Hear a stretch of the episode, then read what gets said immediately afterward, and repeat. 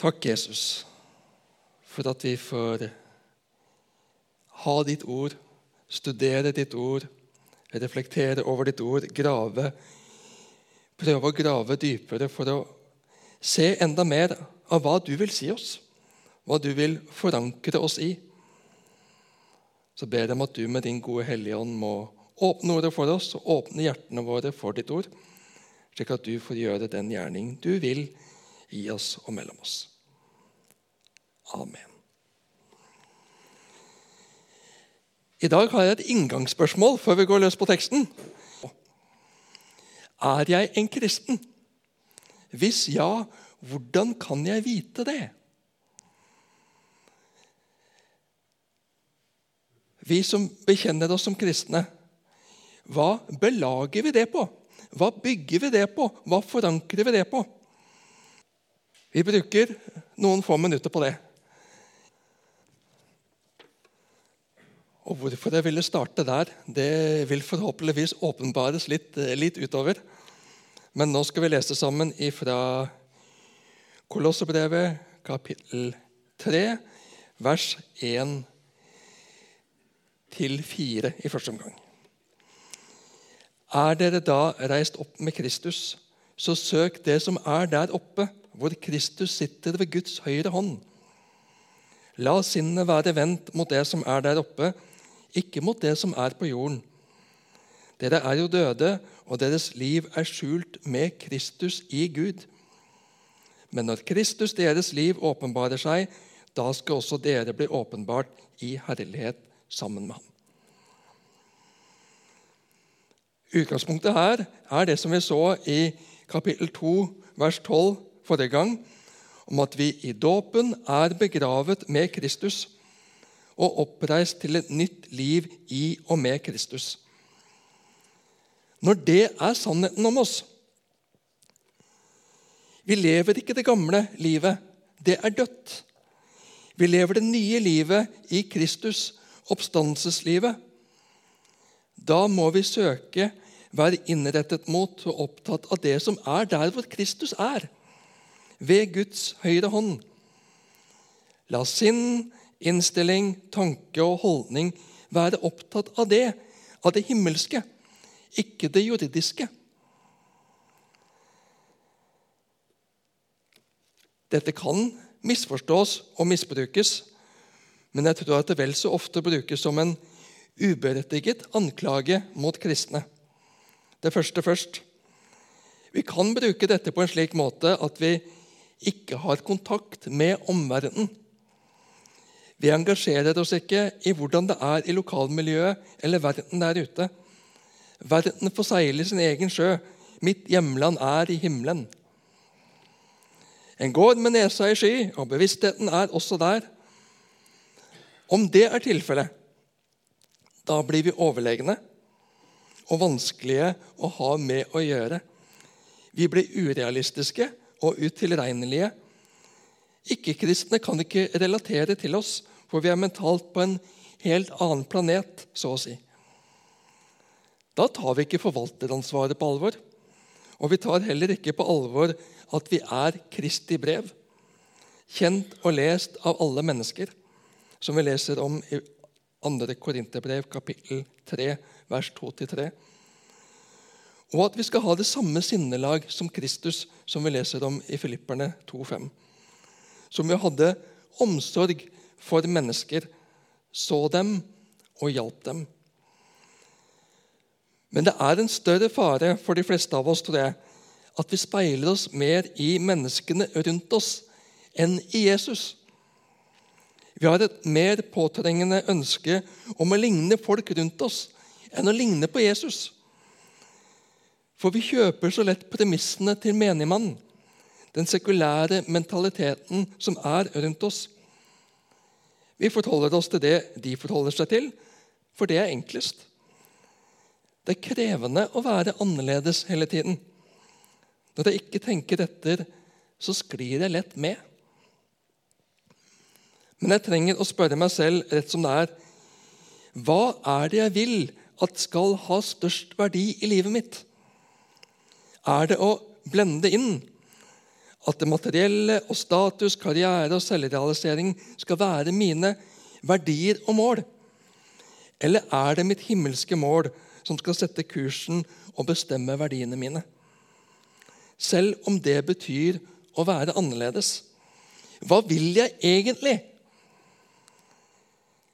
Paulus han tar kolossernes dåp og tro på alvor. Dere har tatt imot Jesus. Dere har vendt dere fra verden. Dere er døpt til et døds- og oppstandelsesfellesskap med Jesus. Nå er det himmelen som er mitt hjemland, mitt mål, som setter min kurs og mine verdier. Så forhold dere deretter, da. Søk det som er der oppe, de himmelske verdier. Det som fører meg nærmere Jesus. Det som gleder og ærer Jesus. Og det som kalles åndens frukter, som vi leser om i Galaterne 5, 22-23. Men åndens frukt er ikke appelsiner, men kjærlighet, glede, fred, overbærenhet, vennlighet, godhet, trofasthet, ydmykhet og selvbeherskelse. Åndens frukter kan høres svevende ut. Samtidig så er det veldig, en veldig jordnær holdning og livsinnstilling vi hører her. En kjærlighet som Jesu kjærlighet er ikke først og fremst en romantisk følelse, men gir seg selv for andre. Det er godt å omgås glade mennesker. Gleden kan lett smitte, og den gode stemningen bre seg. Det er godt og trygt å omgås fredfulle mennesker mennesker som skaper fred rundt seg. Ikke strid, splid og konkurransementalitet. Vennlighet, godhet, trofasthet, ydmykhet og selvbeherskelse. Hvem vil vel ikke bli møtt med det? Men at de rundt deg opplever en kontrast i deg og dine valg og verdier, kan jo vekke en provokasjon. En provokasjon som gjør at en slår piggene ut. En angriper, for den kjenner indirekte ved din godhet sine egensentrerte valg som dårlige og sett ned på. De kommer i et dårlig lys. Ikke fordi du setter dem i et dårlig lys, men fordi de ser forskjellen på seg og deg. Og det kan slå ut i spott og en foraktelig tone. Dere små Jesuser. Leser i Bibelen, er bare opptatt av kirka og himmelen. Samtidig som de jo egentlig også ser det gode. Men det gode er utfordrende. Og jeg vet ikke om jeg vil gi slipp på mitt og bli som deg. Mist ikke motet. Nei, fatt mot. Søk det som er der oppe, hvor Kristus sitter ved Guds høyre hånd. La sinnet være vendt mot det som er der oppe, ikke mot det som er på jorden. Det er jo dit vi vil. Derfor skal vi ha det for øye. Det er det som vi ser på, som vi fester blikket på, som vi beveger oss mot. Det som er der oppe, det skal få fylle vårt hjerte og sinn. Mens vi står i vårt kall og vår tjeneste. Og da tenker jeg ikke først og fremst på tjenestene i Misjonshuset, men familie, venner, jobb, naboskap. Det er vårt kall i en god luthersk kallsforståelse. Vårt livsprosjekt for Jesus her. Det er nettopp det at jeg gjør det for Jesus og ikke for meg selv, som blir det avgjørende. For da blir ikke prosjektet hele greia. Da blir ikke prosjektet hele referanserammen, det som alt står og faller med. Nei, dette er noe godt og meningsfullt og livgivende jeg får drive med til glede for Gud og til glede for mennesker, mens jeg venter på at jeg skal komme hjem til far.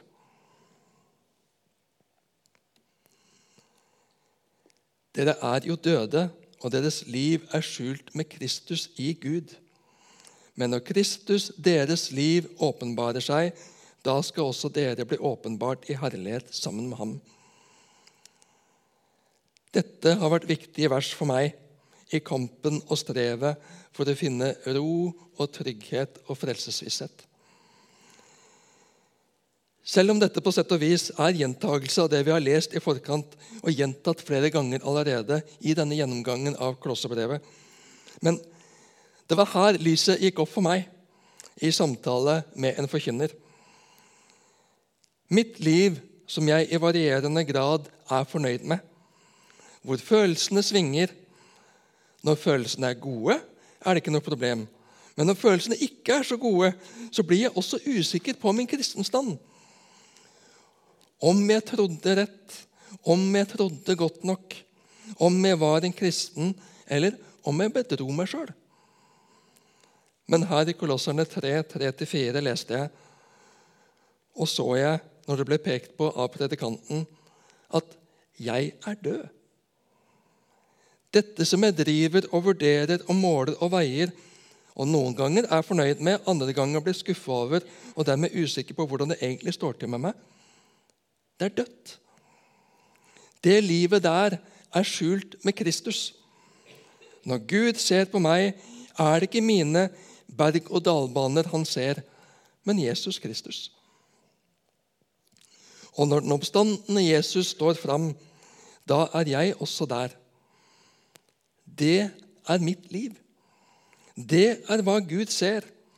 Der er jeg, i rene og oppstandende Jesus. Det er hva Gud ser når han ser på meg som tror på Jesus, som er avhengig av Jesus. Endelig. Det gjør det godt å få se det. Her er det trygt. Her kan jeg hvile. Her er det ingen berg-og-dal-bane. Her er det stabilt og trygt og godt.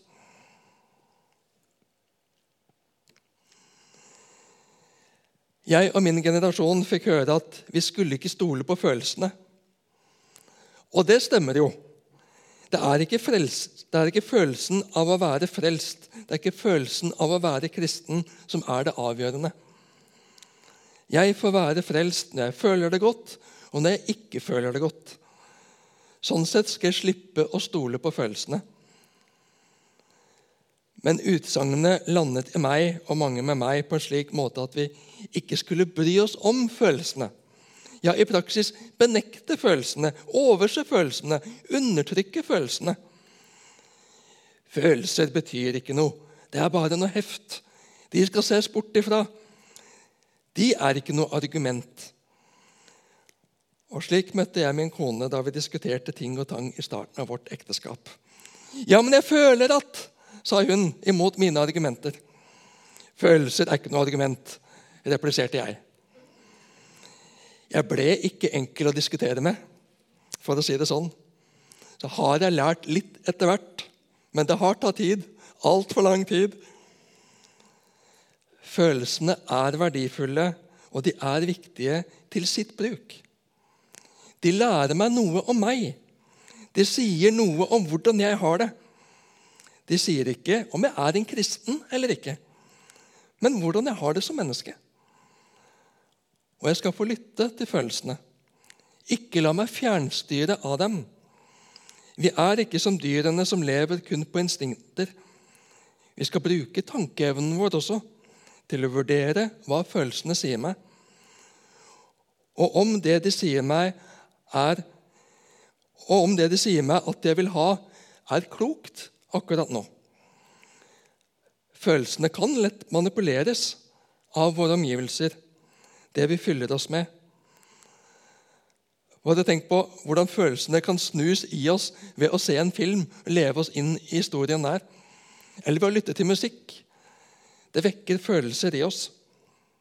Det preger følelsene våre og tar oss i forskjellige baner. Men vi skal absolutt lytte til følelsene. Og Ofte så gjør det meg godt å klare å sette ord på hva jeg føler. Hvordan jeg har det. Både for meg selv og iblant for folk rundt meg.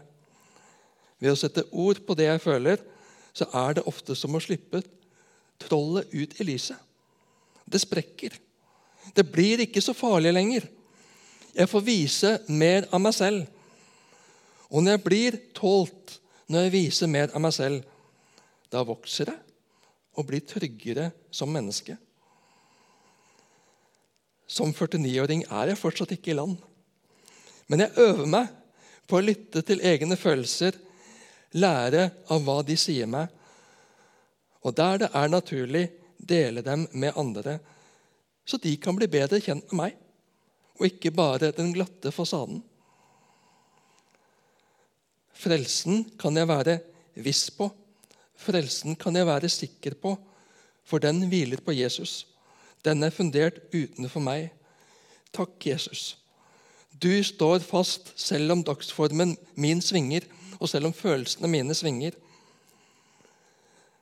Så skal jeg få være meg, med alt det innebærer.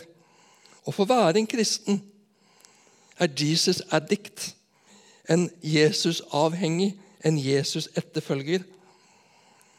Og hvordan jeg lykkes i etterfølgelsen av Jesus, påvirker ikke kristenstanden min, for den har Jesus gitt meg helt gratis.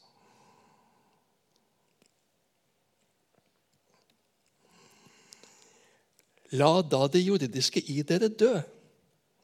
Hor, urenhet, lidenskap, ondt begjær og grådighet, som ikke er annet enn avgudsdyrkelse. La det dø. I det så er det en erkjennelse. Samtidig som det er erklært dødt i troen på Jesus. Vi er tilregnet hans liv og rettferdighet, og det er der min kristenstand er forankret. Så er ikke gamle Adam, det gamle livet, den syndige lyst i meg død. Gamle Frank, selvopptatte Frank, den Frank som har lyst til å dvele ved de kropps- og sexfikserte bildene som popper opp på skjermen. Frank som ønsker å stikke seg fram, bli likt, få anerkjennelse, som vil bruke pengene på seg sjøl, som vil spise sjokoladen i smug for å slippe å dele. Frank, la det dø. Ikke gi, det, ikke gi næring til det. Ikke gi det spillerom. Kvel det. Drep det. La det dø. Sex er Guds gave og noe kjempefint. Godt og bokstavelig talt livgivende i sine rette rammer. Men som hor altså utenfor ekteskapet, er det destruktivt og ødelegger vanvittig mye inni oss og mellom oss, mellom mennesker. Urenhet handler jo slik ordet sier, om det som ikke er rent. Skit som jeg gir rom i livet mitt. Om det er snakk om det som ligger i grenseland av det som er helt sant. Om det er tanker som får dvele ved det som ikke er rent ekte, sunt og godt. Var det Martin Luther som sa det? Jeg kan ikke hindre en fugl i å fly over hodet mitt, men jeg kan hindre den fra å bygge rede på hodet mitt. Renhet i hvordan jeg forvalter pengene mine. Renhet i hvordan jeg bruker tida mi. Når jeg slapper av, slapper jeg da av fra å være kristen? Når jeg bare skal være meg sjøl, hva gir jeg påfyll da? Den gamle eller den nye naturen i meg? Gir jeg den gamle naturen oppmerksomheten, næring, når jeg tenker at jeg bare skal slappe av? Eller er jeg bevisst på hva som får innpass i tanke og hjerte når jeg skal koble av? Hva forholder jeg meg til som mitt egentlige jeg? Er det den gamle Adam, eller er det nye Adam og Eva? La det som er urent, det som ikke er rent, dø. Lidenskap og ondt begjær. Vi må behandle dem sammen, for ordet lidenskap kan på norsk også brukes positivt om noe som vi brenner for, noe som vi engasjerer oss kraftig i. Og det er ikke galt. Det er galt om det får oppsluk, altoppslukende kraft, så Jesus og hensynet til andre mennesker må vike. Det gode kan bli et onde om det får feil plass i livet. Men positiv lidenskap er bra. Det gir en kraft til å gjøre noe godt, til å gjøre det gode. Men lidenskap og ondt begjær, altså noe jeg ivrer sterkt for, bare må gjøre, bare må ha, men som er destruktivt, eller noe som er annerledes eller hører hjemme i gitte rammer, det skal ikke få ha makt over meg. Det skal jeg kvele. Det skal jeg døde i meg. Det er ikke i tråd med det nye livet i Jesus.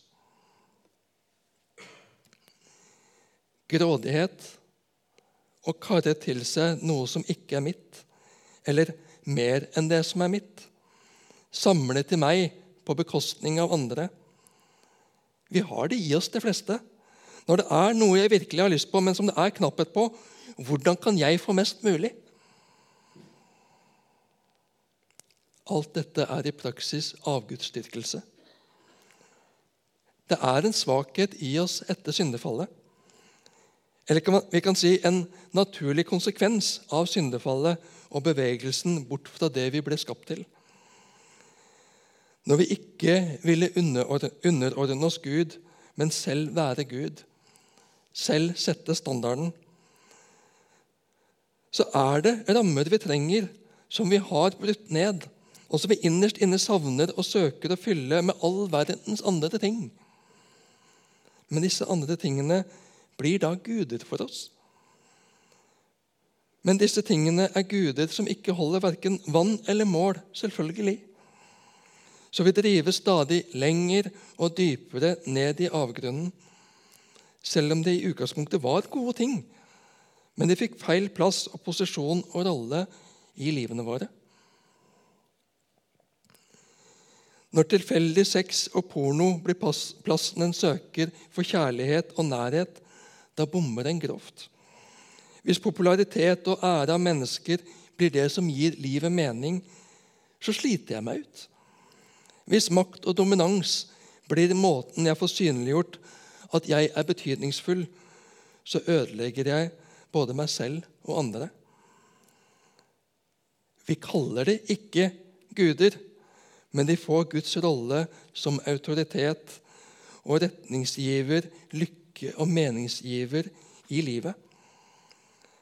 Når et gode blir tatt ut av sine rammer og får en plass og en størrelse utover sine proporsjoner, så blir det avguderi og destruktivt for oss og for de rundt oss, våre omgivelser. Og Da er min utfordring til deg, til ettertanke Hvilken avgud utfordrer meg mest i mitt liv? Hvilken avgud utfordrer deg mest i ditt liv? Vi bruker litt tid på det.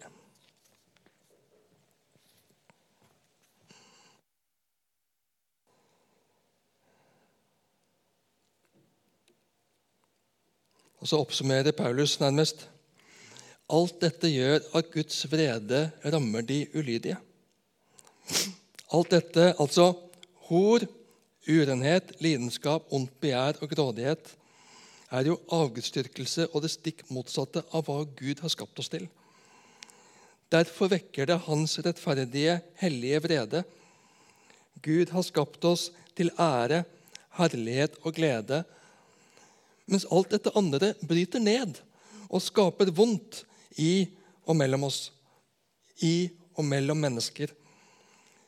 En dag skal, så skal Gud ta et oppgjør med dette og de som driver med dette. Og Paulus er ærlig. Blant dem var også dere den gang dere levde slik. Dere, kjære menighet, var en gang slik, men ikke nå lenger.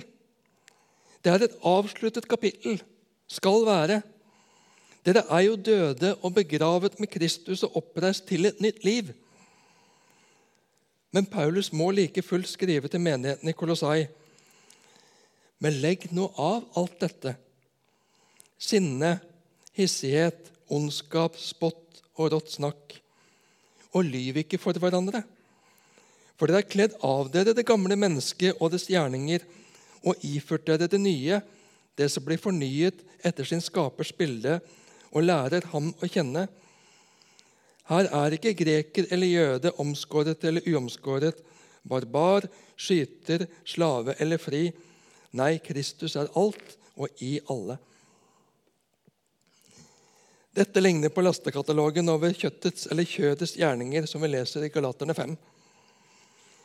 Selv om de er født på ny, selv om de er frelst, selv om de er døde og oppreist med Kristus, så spreller gamle Adam, så spreller gamle Eva fortsatt. Ikke mat, gamle Adam. Ikke mat, gamle Eva. Legg dette av. Død det. Ikke gi det rom. Bekjemp det. Sinne, hissighet, ondskap, spott og rått snakk. Dette har ikke noe blant kristne å gjøre. Dette er slikt som preger det gamle mennesket. Men dette er ikke det nye menneskets stil. Så spørsmålet hva er min stil? Hva er din stil? Hvordan liker vi å være? Hvordan har vi en tendens til å være? Problemet er jo at det er morsomt med gråviser. De appellerer jo til noe i oss. Vi vil ha det. Det vil si, gamle Adam vil ha det. Gamle Adam vil mates. Men er det det vi egentlig vil? Da er vi i så fall ikke på Paulus sin linje. Legg nå av alt dette. Jeg har lett for å bli litt uhøvlete i språket. Jeg vil være jovial. Jeg vil ikke være en stiv, prippen pastor. Men det gjør at jeg lett kan bikke grensa til råtten snakk. Gud, hjelp meg!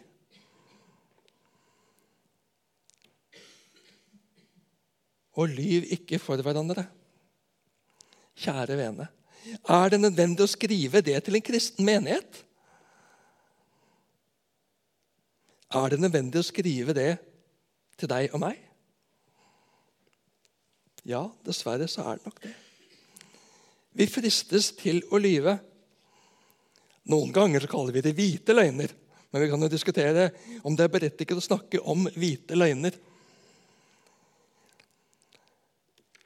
Jeg liker uttrykket 'det er ikke alt som er sant, som skal sies', men alt som sies, skal være sant. Det er ikke et bibelsitat, men det er et godt poeng der for det. Noen ganger så er det vanskelig for oss å stå for sannheten. Vi liker ikke sannheten. Vi vil pynte litt på sannheten. Vi vil at det skal være litt annerledes. Og så sier vi det slik vi vil det skal være, framfor slik det er. Men hva gjør vi når vi strengt talt lyver for hverandre? Vi bedrar hverandre. Vi skyver mennesker fra oss. Vi våger ikke å slippe dem nær oss, for vi våger ikke å si dem sannheten om dem og sannheten om oss selv. Hvis en kristen venn tar seg i og har slengt ut en ufin kommentar og sier 'beklager, det skulle jeg ikke ha sagt', og jeg svarer 'nei da, det går fint, det går bra', men egentlig så ble jeg såra av det. Ved den kommentaren, med den måten å reagere på, så har jeg lukket den personen ute. Og ikke latt personen komme nærmere meg og se både seg selv og meg i det som ble sagt i ubetenksomhet.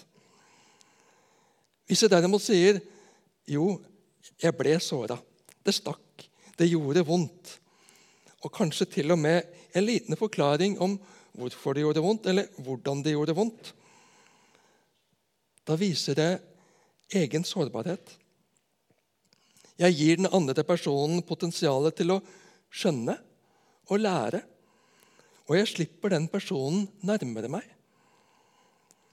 Ved å erkjenne at jeg ble såret, så kan jeg ta imot beklagelsen. Og ved å sette ord på at det såret meg, så kan jeg gi personen rom til å ikke bare beklage i forlegenhet, men be om tilgivelse. Og på den måten få, få gjøre opp og lære av det. Og vi to kan komme et skritt nærmere hverandre framfor et skritt lenger unna hverandre.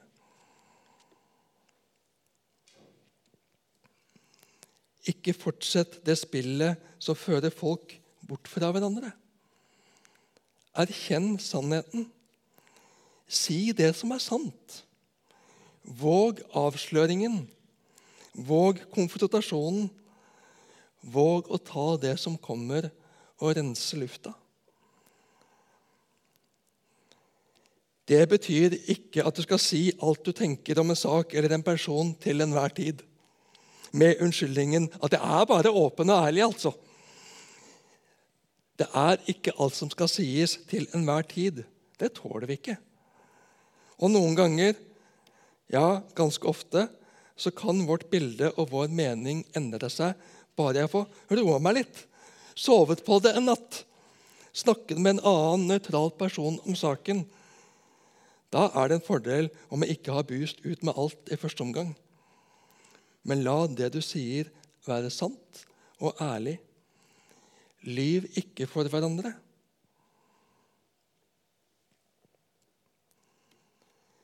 For dere har kledd av dere det gamle mennesket og dets gjerninger, og iført dere det nye, det som blir fornyet etter sin skapers bilde, og lærer ham å kjenne. Husk hva slags klær du har for å bli i bildet.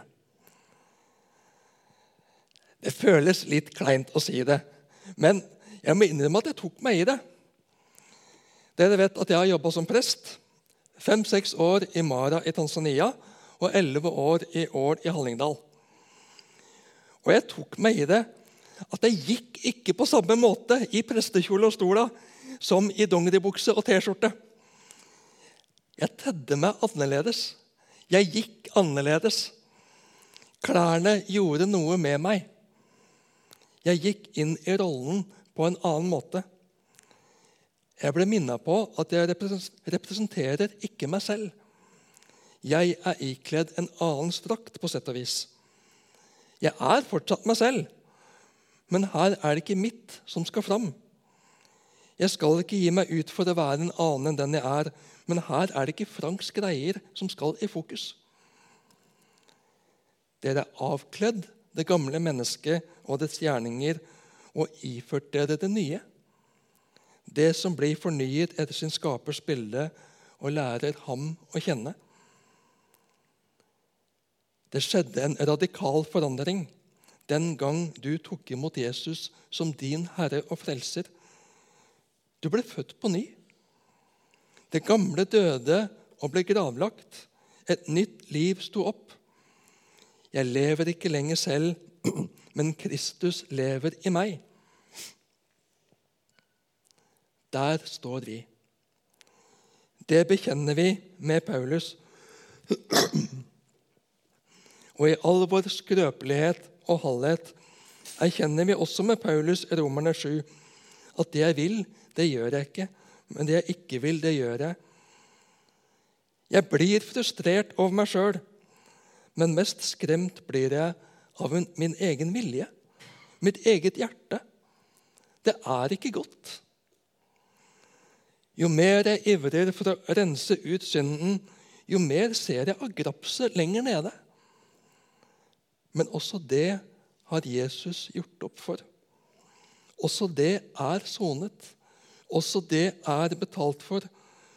Også skal vi få ta til oss også det som står om det nye, det som blir fornyet etter sin skapers bilde, og lærer ham å kjenne. Vi får være barn. Barn som lever nær vår far og vår storebror. Barn som ser og lærer og formes av ham, som formes av dem, den treenige Gud. Vi får være lærlinger som får prøve oss, og som plukker opp et og annet av ham. Vi blir ikke utlært, men vi blir stadig helere. Og jeg tror også dyktigere. Vi blir mer lik skaperens bilde ettersom vi lærer ham å kjenne. Og denne kjennskapen, som ikke er en distansert teoretisk kunnskap, men intim og fortrolig kjærlighetsrelasjon mellom far og barn. Den fullkomne far som danner, leger og heler oss etter sitt bilde som han skapte oss til. Til vi en dag skal stå frelst og fri og herliggjort hjemme hos ham i herlighet.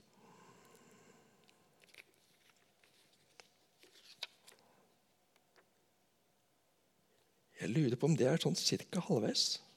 Det er litt vanskelig å forutsi. Men jeg syns i hvert fall det er fint å ta en pause der. Vi gjør det. Vi har kommet til eh, Kolosserne 3, vers 11. Her er ikke greker eller jøde, omskåret eller uomskåret, barbar, skyter, slave eller fri. Nei, Kristus er alt og i alle.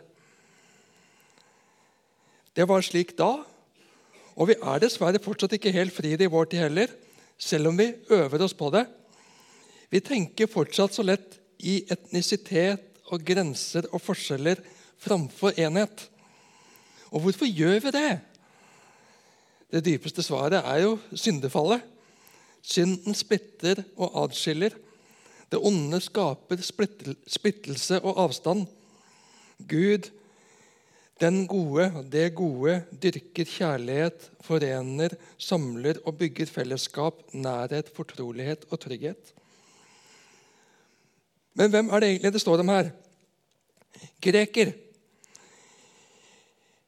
Grekerne var på sett og vis det moderne mennesket i, i, i, samfunnet, i verden, den gang, der, da. Gresk var verdensspråket, slik som engelsk er det nå.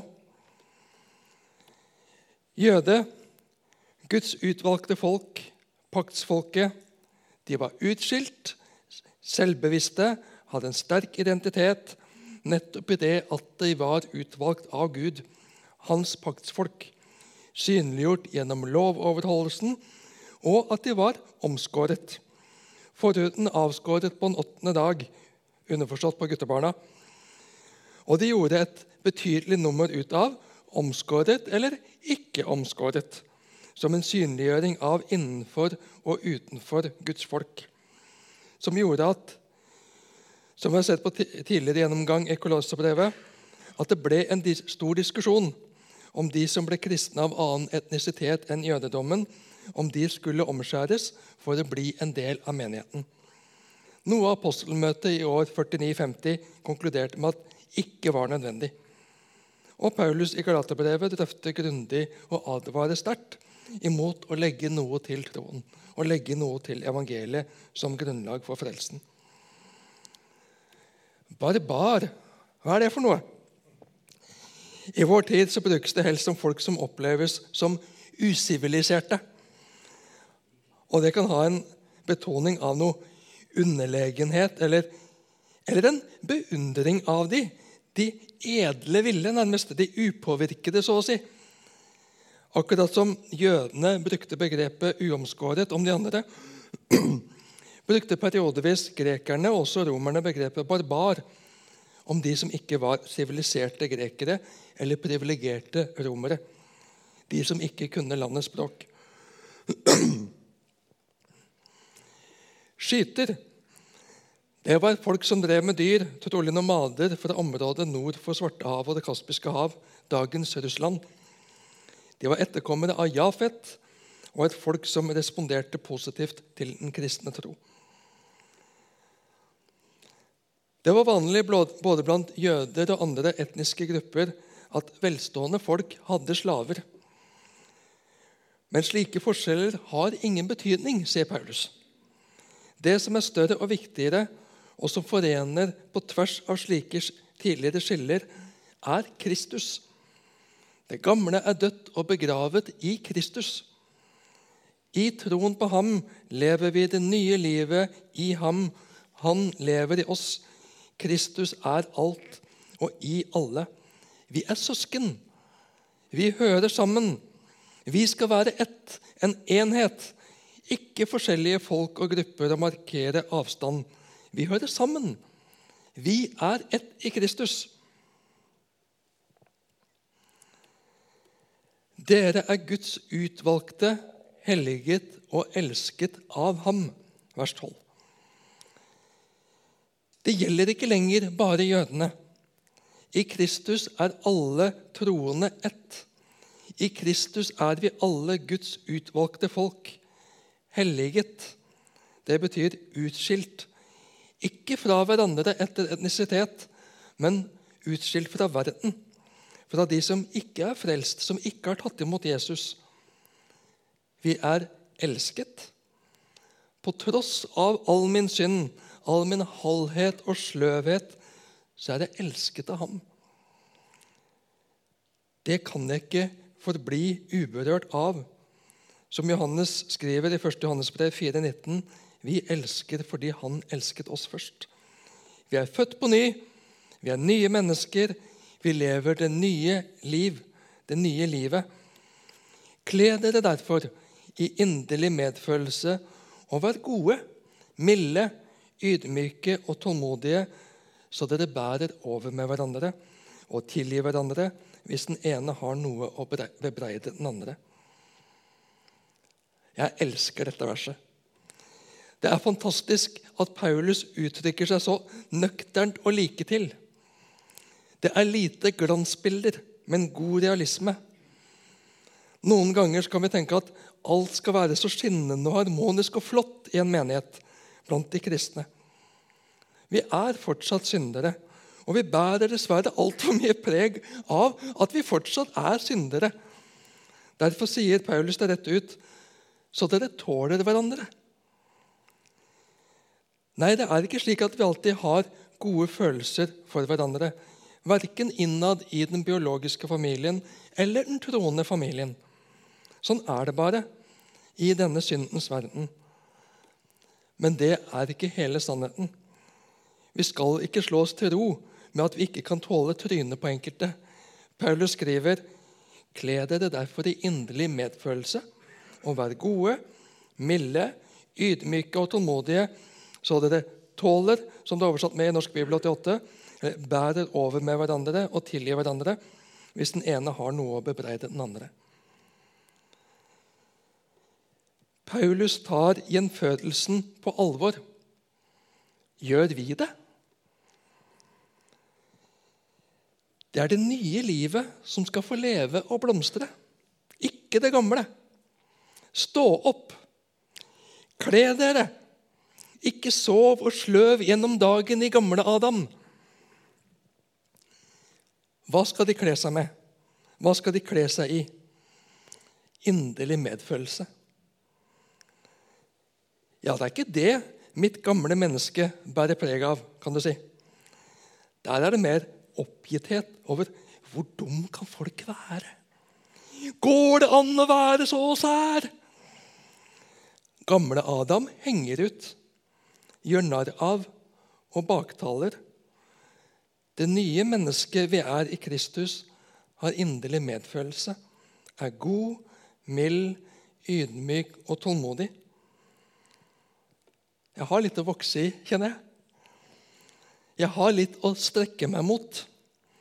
Ikke som et strev i egen kraft, men være nær. Så jeg preges av og vokser i Ånden. Guds ånd. Det er bare Hans kraft, Hans ånd, Hans sinnelag, som kan virke det i meg. Ta meg sammen-kraften har meget begrenset virkning og gjør meg forferdelig sliten så jeg til slutt sprekker, og det velter ut av mitt gamle meg av eder og galle og stygge ord og betegnelser. I Efeserne 6 så skriver Paulus om å ta på Guds fulle rustning. Det er en litt annen betoning, men likevel i samme gate. Vi skal få ta imot den fra Gud, men vi må være villig til å ta imot den og bruke den villig til å ta den på, gi den rom i livet, gi det nye livet vekstvilkår og begrense næringen til det gamle mennesket. Nei, ingen av oss er perfekte. Ingen av oss er kommet i land. Vi er helt avhengig av overbærende og tilgivende søsken. For om vi ønsker det, så har vi nok å bebreide hverandre for. Det er ikke vanskelig å finne noe å anklage hverandre for om vi ønsker det. Måtte ikke det ønsket få prege oss og lede oss, men Guds ånd, Kristi sinnelag, som er preget av inderlig medfølelse, godhet, mildhet, ydmykhet, tålmodighet, overbærenhet og tilgivelse. Og Da vil jeg at vi skal stanse til, eh, til ettertanke igjen. Kle dere derfor i inderlig medfølelse og vær gode, milde, ydmyke og tålmodige, så dere bærer over med hverandre og tilgir hverandre hvis den ene har noe å bebreide den andre. Hvilken praktisk betydning får dette for en kristen håndverker, en kristen sykepleier, en kristen lærer, en kristen eiendomsmegler, Poenget er ikke å begrense det til de yrkene, men litt sånn forskjellige plass i samfunnet og, og tilnærming til det ene og det andre. Gruble litt på det, hver for dere, og noter gjerne. Og etter litt tid lufte med sidemannen eller damen. 3.13. Som Herren har tilgitt dere, skal dere tilgi hverandre.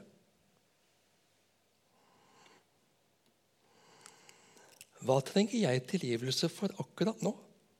Akkurat i dag?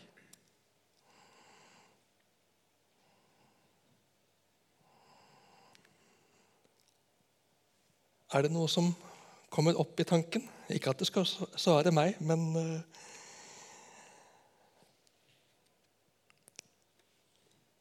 Dukker det opp noe som du kjenner at du trenger tilgivelse for? Eller var det helt blankt? Nei. Er det noe jeg trenger tilgivelse for, da? Hm? Trenger du tilgivelse? Hvis ja, så har Kolosserne 3.13 et viktig budskap til deg. Som Herren har tilgitt dere, skal dere tilgi hverandre. Jeg kaller meg kristen. Jeg betegner meg selv som en som følger Jesus Kristus. Da er jeg programforplikta til å følge hans linje, følge hans standard, følge hans vilje. I forlengelsen av Herrens bønn i Matteus 6, 14-15 så sier Jesus For dersom dere tilgir menneskene de misgjerningene de har gjort, skal også deres himmelske Far tilgi dere. Men dersom dere ikke tilgir menneskene, skal heller ikke deres far tilgi de misgjerningene dere har gjort. Dette er et stort tema.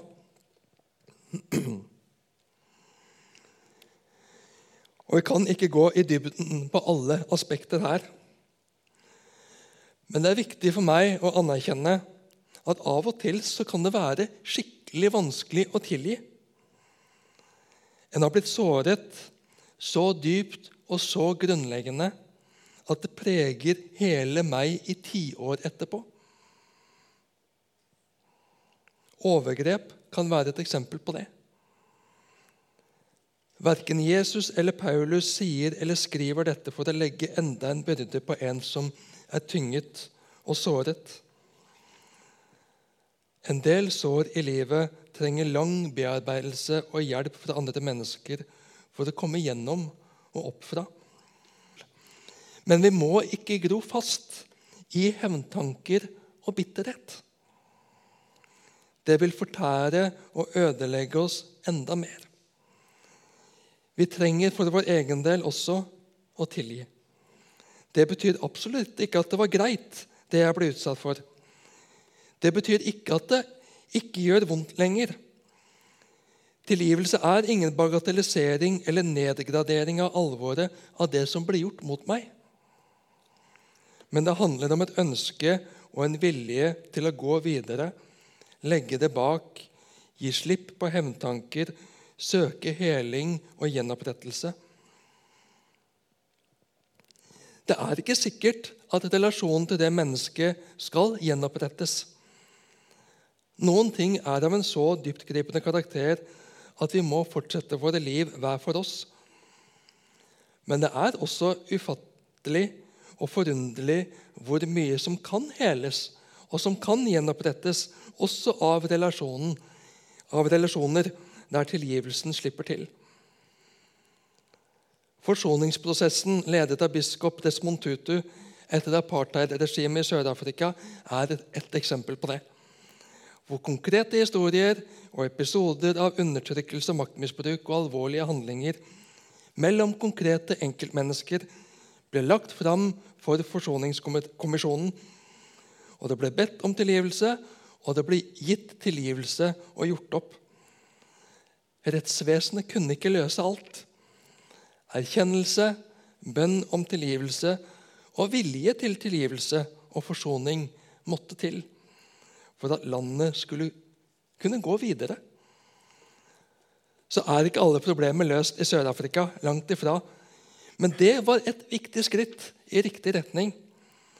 Og så blir mennesker fortsatt fristet på ulike måter på begge sider av det som var skillelinjene i Sør-Afrika for noen tiår siden. Makten er flyttet, men makten kan fortsatt misbrukes. Derfor er det så viktig å over alt dette kle dere i kjærlighet, som er båndet som binder sammen og gjør fullkommen. Hva er kjærlighet? Hvordan vil du definere, og folk i samfunnet vårt definere kjærlighet? I Bibelen er det flere begreper for kjærlighet. Eros, den erotiske, fysiske kjærligheten og tiltrekningskraften. Filio, nestekjærlighet, mellommenneskelig kjærlighet. Agape, den rene, selvoppofrende kjærlighet slik Gud har til oss mennesker, og som skal få prege og fylle oss som nye, gjenfødte mennesker. Det er denne kjærligheten, agape, vi skal kle oss i. Kjærligheten som gir seg selv for den andre som gir seg selv for de andre, den binder sammen. Den renser ut rusk og snusk i relasjoner og motiver og gjør fullkommen. Guds vesen så får prege meg mer og mer og til fulle den dag jeg står frelst og fri hjemme i himmelen, hjemme i den nye himmel og den nye jord. La Kristi fred råde i hjertet. For til det ble dere kalt da dere ble én kropp. Kristi fred. Når jeg har fått se meg selv frelst og fri i Jesu blod, at Han har gjort alt det som skal gjøres for min frelse og salighet, da fylles hjertet med fred. Når Han får være min identitet, ikke det jeg skal få til, da kan freden senke seg i sjel og sinn. En julefred som varer hele året. Den freden utfordres stadig av jag og krav i samfunnet om prestasjon. Om å være fin nok, god nok, trene nok og realisere seg selv nok. Men vi skal trene oss på å avsløre de mekanismene i oss selv. Stadig la Kristi fred råde i hjertet, for til det ble dere kalt da dere ble én kropp. Vi ble jo forenet med Kristus i dåpen. Og når vi alle er forenet med ham, er vi også forenet med hverandre. Og Da er det avgjørende at konkurranse og sammenligningsmentalitet ifra verden, ifra det gamle mennesket, ikke får slå inn imellom oss og skape splid og skape usikkerhet, men at Kristi fred får fylle alle porer i huden vår, hver nerve i hjernen vår, hver blodcelle i hjertet og kroppen vår, og hver tanke og holdning i relasjonene våre. Jeg sier ikke at det er lett, for det gamle henger så ved oss. Og Paulus sier heller ikke at det er lett. Da hadde han ikke behøvd å skrive det. La Kristi fred råde i hjertet. Det er en øvelse og et frigjørende korrektiv vi trenger å bli stadig minnet på i en menighet, selv i en menighet som har eksistert i generasjoner. La oss stanse opp og spørre oss selv hva slags tankegang, hva slags mentalitet er det som får prege meg nå? Er det verdens mentalitet og premisser? Eller er det Guds mentalitet, Guds hjerte, Guds premisser?